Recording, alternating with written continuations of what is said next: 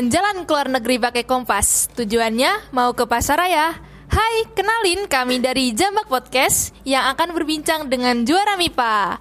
Halo teman-teman, selamat datang di Jambak Podcast. Jambak Podcast, au, aye aye asoy. Nah, sebelum itu, biar lebih afdol lagi, aku mau kenalan dulu nih. Biar teman-teman semua juga pada kenal aku ya kan pastinya. Hahaha. Jadi, nama aku Anindita dan di sini aku akan nemenin kalian selama beberapa menit ke depan nih. BTW BTW, tadi kan udah sempat disinggung nih di awal kalau di sini teman-teman sedang berjumpa dengan Jambak Podcast. Nah, buat yang pada belum tahu nih, Jambak Podcast adalah singkatan dari Juara Minat Bakat Podcast.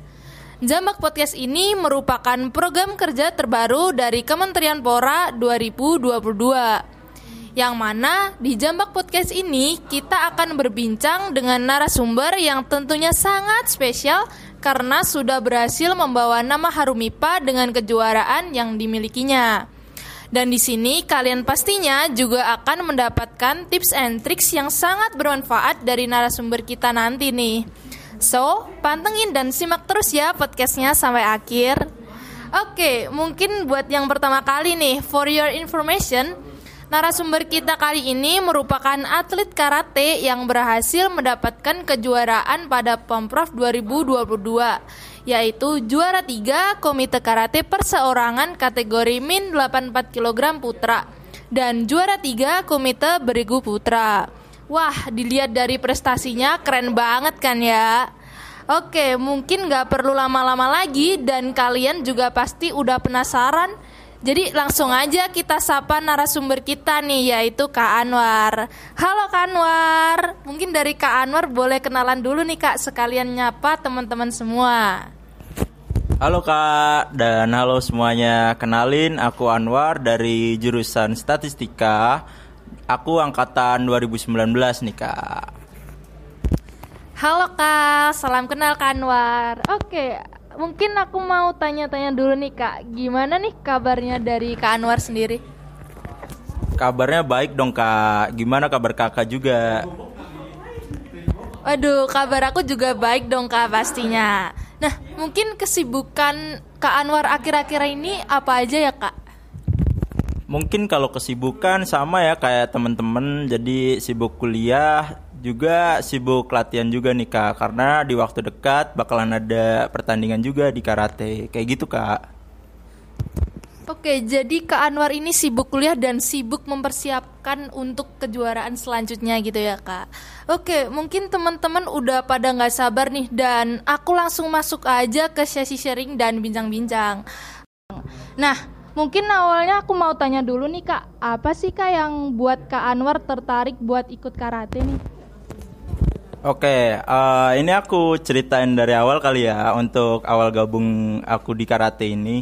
Jadi dulu itu uh, aku ikut karate itu karena tiap minggu pas apa ya pas aku sama kakak-kakakku di rumah itu pasti ngelihat banyak yang ikut latihan karate nih di kota aku di Solo. Nah mulai dari itu uh, pelatihnya tahu nih kok ada nih anak-anak yang uh, mungkin tertarik gitu. Dia dia apa namanya dia kiranya kayak gitu. Jadi aku langsung diajak join terus lama kelamaan jadi deh enak. Ternyata enak banget di karate ini. Kita jadi ada basic di bela diri terus nambah temen juga seperti itu kak Oke, jadi mungkin awalnya uh, tiap kecil nih ya Kak Kak Anwar uh, tiap minggu sering lihat karate dan kebetulan juga pelatihnya itu kenal dan uh, tiba-tiba diajak join akhirnya Kak Anwar sendiri tuh jadi ketagihan gitu.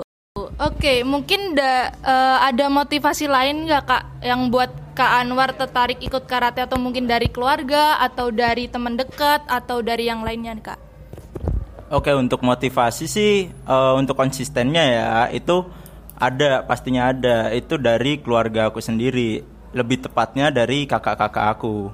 Jadi pas itu kakak-kakak aku itu udah sabuknya di atas aku. Dan pas itu motivasi aku aku nggak mau nih kalah sama kakakku gitu. Jadi latihan terus pas itu dan juga sampai akhirnya pas uh, kakakku itu keluar itu aku udah di atas sabuk dari kakak-kakakku jadi ikut seneng aja gitu kak. Jadi kayak motivasinya berlebih gitu. Oke, jadi Kak Anwar ini ada motivasi dari keluarga dan kakaknya dulu juga udah pernah ikut berkecimpung di dalam karate gitu ya Kak. Jadi pengen menyamain uh, buat kakaknya bisa ikut dalam karate gitu. Oke, selanjutnya bisa diceritain nih Kak uh, apa saja sih pengalaman yang udah Kak Anwar dapat selama mengikuti Pekan Olahraga Mahasiswa Provinsi kemarin nih Kak. Oke untuk khususnya yang pemprov kemarin ya, yang aku rasain sih dari mulai latihan dari mulai latihan awal itu kekeluargaannya erat banget nih kak. Jadi kayak kita punya tujuan yang sama di pemprov itu, jadi saling semangat menyemangati antar atlet juga. Terus pas hari H juga kayak aku dapat lawan yang beda-beda juga kan. Jadi kayak aku bisa tahu gaya bermain mereka jadi tambah pengalaman tanding juga kayak begitu dan mungkin seperti apa ya style-style yang baru yang belum pernah aku coba itu bisa aku coba di kemudian hari gitu begitu kak Oke, jadi pengalaman Kak Anwar sendiri itu uh, uh, saling saling menambah kekeluargaan dan uh, bisa mengenal baru uh, teknik-teknik dari lawan gitu ya kak. Iya. Wah emang keren banget nih nih kak Anwar. Oke, mungkin uh, selain ini bisa diceritain apa aja tantangan yang udah dilewatin selama uh, dari latihan sampai akhirnya membawa juara di pemprov kemarin nih kak. Oke, mungkin untuk kendala ini aku bakal cerita panjang ya kita sharing aja kalau untuk kendala ini jujur banyak banget kendala yang dihadepin dari mepetnya persiapan sampai dari akunya sendiri. Jadi untuk mepetnya persiapan itu kita dari rektorat hamin sebulan baru baru dapat kabar bahwa akan ada pomprov karena sebelumnya harusnya itu pomprov diadain di tahun kemarin nih kak. Jadi kayak harusnya kemarin kita udah persiapan ternyata nggak ada karena pandemi gitu. Dan kita nggak expect kalau ada pomprov di tahun ini kayak gitu. Jadi aku sama teman-teman itu langsung gercep lah istilahnya langsung gercep latihan lagi difokusin ke pomprov dan untuk kendala pribadi sini ya kak kalau kendala pribadi jujur uh, sebelumnya itu aku ada cedera cedera di kaki jadi kayak kuku di jempol itu nusuk di daging gitu jadi kayak agak susah juga buat gerak. Nah, tapi masih bisa lah kalau itu dihandle.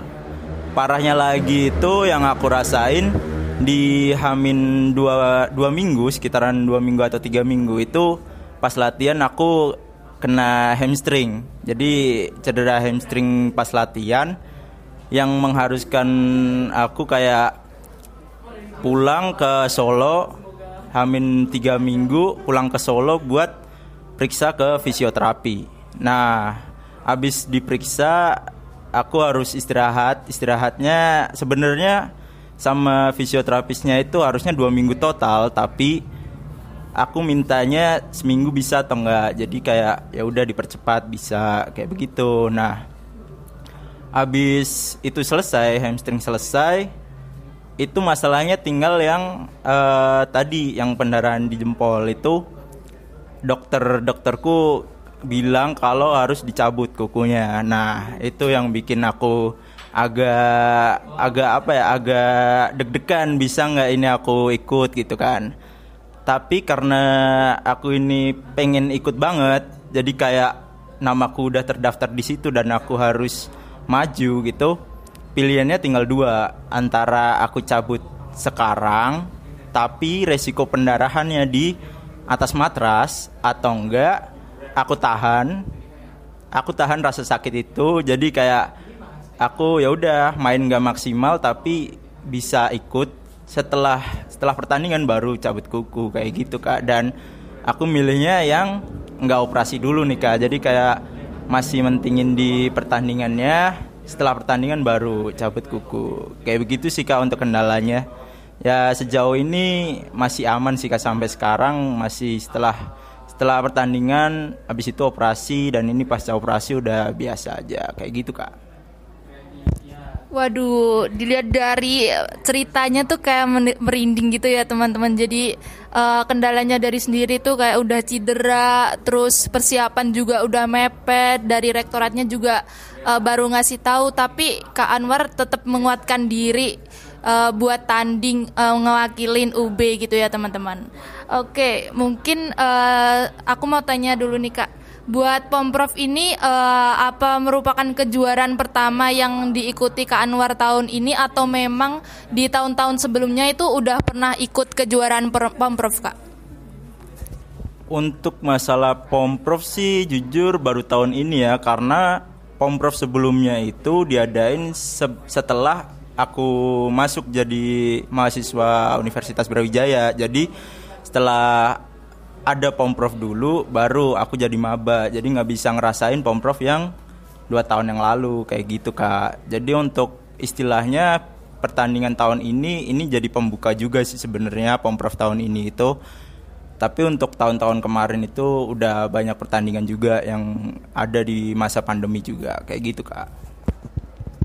Oke, jadi Kak Anwar ini bisa dibilang uh, baru pertama kali mencoba di Pomprov Terus kalau boleh tahu uh, selama di kuliah di UB itu apa aja sih Kak kejuaraan yang pernah diikuti selain di Pomprov? Tadi kan udah sempat disinggung nih sama Kak Anwar. Oke oke, uh, buat kejuaraan lain mungkin aku sebutin beberapa aja ya kayak di BUKC Brawijaya University Karate Championship itu aku juga ikut, terus di Unesa Cup juga ikut kayak gitu dan yang lain aku udah udah nggak inget lagi sih kak. Jadi kayak gitu. Untuk BUKC itu rutin di tahun 2019 sama di 2021 kemarin kak Oke, jadi yang paling diinget itu cuman BUKC, yang lainnya lupa ya. Yeah. Saking banyaknya jadi lupa gitu kan Anwar, teman-teman. Oke, uh, kan ini uh, menurut pengetahuan aku ya kak, di karate itu kayak ada dua pertandingan gitu yang dilombakan, yaitu ada kata dan komite. Nah, di Pomprov kemarin ini Kak Anwar ikut kedua-duanya atau cuman di salah satu aja nih kak? Untuk yang aku ikutin di Pomprov, aku ikut di kelas komitenya kak. Jadi untuk orang awam bisa bilang kalau komite itu yang tanding. Nah itu yang aku ikutin pas Pomprov kemarin. Oke, jadi cuman di komite aja ya kak. Kalau boleh tahu itu komitenya di perseorangan sama bergu ya kak? Iya bener banget kak, aku ikut di dua kelas di minus 84 kg putra yang perorangan sama bergu putra juga. Oke, emang keren nih Kak Anwar. Kayak di cuman di komite aja tapi dua-duanya juga keren gitu. Bisa mengimbangin gitu antara bergu sama perseorangan. Nah, mungkin pertanyaan selanjutnya nih Kak uh, kemarin kan Kak Anwar sempat menang nih dua cabang tadi dari sebut perseorangan dan bergu. Nah, gimana sih Kak cara ngatur waktu ketika latihan sampai akhirnya bawa medali itu buat kedua cabang tersebut? Oke, mungkin cara ngatur waktu latihan itu hampir sama karena aku sendiri ikutnya di kelas yang sama, maksudnya di komite semua kan. Nah, itu untuk latihannya pasti sama. Tapi untuk bagi waktu itu yang susah antara bagi waktu latihan sama bagi waktu untuk kuliah. Jadi kan pomprov itu kan dilaksananya juga di pertengahan kuliah juga kan kita ngadainnya. Jadi kayak gimana sih cara bagi waktu kita kuliah sama kita latihan kayak gitu-gitu yang lebih berat? Kalau dari aku sih uh, untuk bagi waktu itu mungkin disesuaikan dulu antara latihan latihannya dulu. Karena menurut aku yang terpenting pada saat itu itu ya pomprov itu persiapan pomprov jadi aku mending ngatur yang latihannya dulu dari jam berapa sampai jam berapa. Terus nanti pas waktu kosong itu baru aku kayak ngerjain tugas dan lain-lain kayak gitu kak Oke, jadi cara buat ngatur waktunya itu mungkin uh, kemarin sempat berkecimpung dulu di khusus di Pomprov aja. Jadi untuk kuliahnya dikesampingkan dulu gitu ya, teman-teman. Ya. Oke, mungkin tadi kan udah bicara tentang tantangan ya, Kak. uh, pastinya juga dari pengalaman-pengalaman dulu Kak Anwar udah uh, bisa ngelewatin gitu. Nah, buat selanjutnya nih mungkin bisa diceritain gimana cara ngatasi nervous dan berupaya nih buat bersikap percaya diri saat udah berada di arena bertanding gitu kak. Oke untuk mengatasi nervous ya kak, buat nervous itu pasti semua orang ngalamin pasti. Aku nggak nggak bisa bantah itu. Tapi gimana cara kita ngadepin nervous itu yang bisa kita latih. Jadi kalau dari aku kemarin kayak sebelum bertanding itu emang aku harus kayak kasih satu orang temanku. Jadi kayak kasih motivasi aku atau enggak malah marahin aku. Jadi buat ngingetin kita kalau kita itu udah udah latihan berapa lama buat event ini kayak gitu. Dan masa udah latihan berapa bulan berapa minggu kita mau nyerah aja gitu. Itu yang jadi motivasi aku dan lihat kita nggak nggak mungkin lihat lawan. Jadi kayak lihat lawan yang bagus kita down atau apa itu enggak jadi siapa pun lawannya kita harus siap gitu. Kita langsung riset kayak di luar emang mereka kayak ada nama gitu ada nama gede gitu kan. Tapi kalau udah di atas matras kita udah satu satu nol nol gitu istilahnya. Jadi sama aja gitu.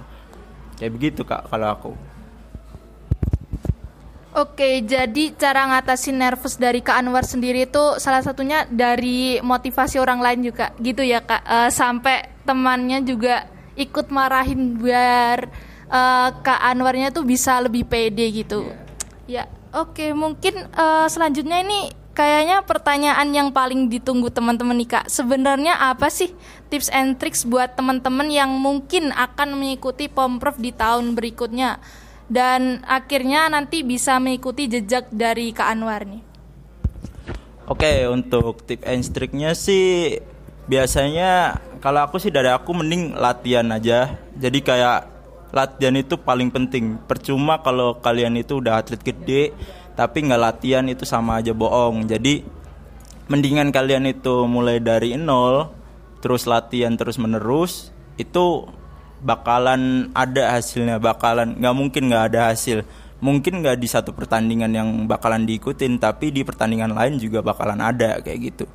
Untuk latihan sendiri porsinya kalau bisa uh, mungkin ditingkatin dari kalian latihan mungkin cuma sekali. Kalau udah mendekati hari H itu kalian tambah jadi dua kali tiga kali kayak gitu tuh penting juga.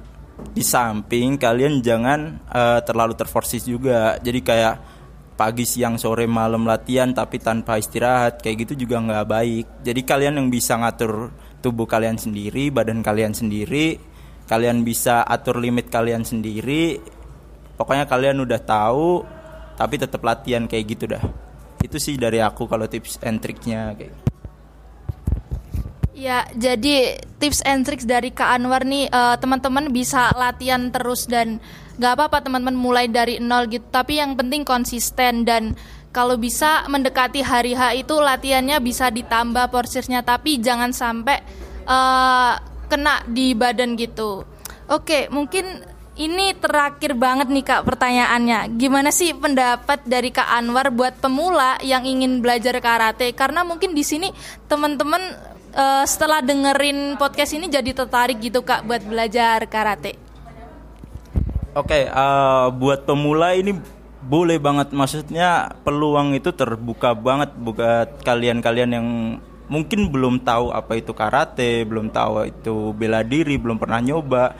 Kalian bisa kok kayak gabung sekarang latihan terus nanti ngewakilin UB di Pomprov dua tahun yang lalu atau tahun depan kayak gitu karena uh, for your information aja buat kalian uh, aku ini sebenarnya udah vakum lama di karate. Jadi dulu sempet di apa ya pas waktu sekolah dasar itu aku vakum sampai di uh, kuliah ini baru join lagi. Jadi kayak udah vakum lama banget ilmu juga udah mungkin bisa dibilang teknik udah nggak ada kayak gitu. Terus sempet aku bilang ke kakak-kakak seniorku nih. Jadi kayak kak aku mendingan mulai dari sabuk putih aja gitu terus dia bilang e, ada sertifnya nggak yang sabuk kemarin? Ku bilang ada jadi suruh lanjutin. Tapi yang poin pentingnya itu aku mulai lagi dari awal untuk tekniknya. Cuma sabuknya masih bertahan kayak begitu kak. Jadi kayak buat teman-teman yang mulai dari nol udah ada contoh nyata nyatanya nih. Aku juga di maba itu mulai lagi dari nol terus abis itu pas pandemi aku juga nggak terlalu sering latihan kayak gitu. Jadi masih bisa lah asal kalian itu ada kemauan konsisten untuk latihan bakalan ada bakalan ada hasil yang akan kalian dapat kayak gitu. Terus juga di pertandingan juga bukan pomprov doang ya untuk karate ini. Banyak pertandingan yang uh, bakal diikuti. Jadi kayak kayak pertandingan di bulan ini juga ada dua pertandingan nih. Ada di Malang dan juga di Jombang. Jadi nggak usah takut kalau semisal aku nggak kepilih di pomprov terus abis itu kalian jadi motivasinya turun jangan. Jadi masih ada pertandingan-pertandingan lain. Dan menurutku kalau kalau kalian itu pengen join karate untuk cuma sekedar bela diri atau olahraga itu juga bagus banget maksudnya kalian daripada kalian di rumah eh, nggak uh, ngapa-ngapain atau mungkin kurang olahraga kalian bisa aja join di karate Universitas Brawijaya juga. Kita juga ada latihan juga di setiap hari. Kalau sekarang ada setiap hari karena ada persiapan buat pertandingan. Jadi nanti kalian bisa join untuk sekedar olahraga atau sekedar cari teman baru kayak gitu Ya oke okay. mungkin buat teman-teman yang pemula nih uh, kalian coba aja intinya. Jadi kata Kak Anwar tadi uh, pemula itu sebenarnya banyak peluang yang uh, kalian bisa dapetin nggak cuman dari pertandingan pomprov ada kok pertandingan yang lainnya juga dan yang penting konsisten dan kemauan yang ada dalam diri teman-teman itu sendiri ya mungkin karena tadi udah pertanyaan terakhir nih kak uh, dari kak Anwar mungkin ada tambahan closing statement pada podcast kali ini Oke, untuk dari aku sih buat teman-teman yang pengen apa ya ada minat bahkan di olahraga lain itu kayak jangan tunggu jangan tunggu kalian siap buat memulai tapi mulailah nanti kalian akan siap kayak gitu.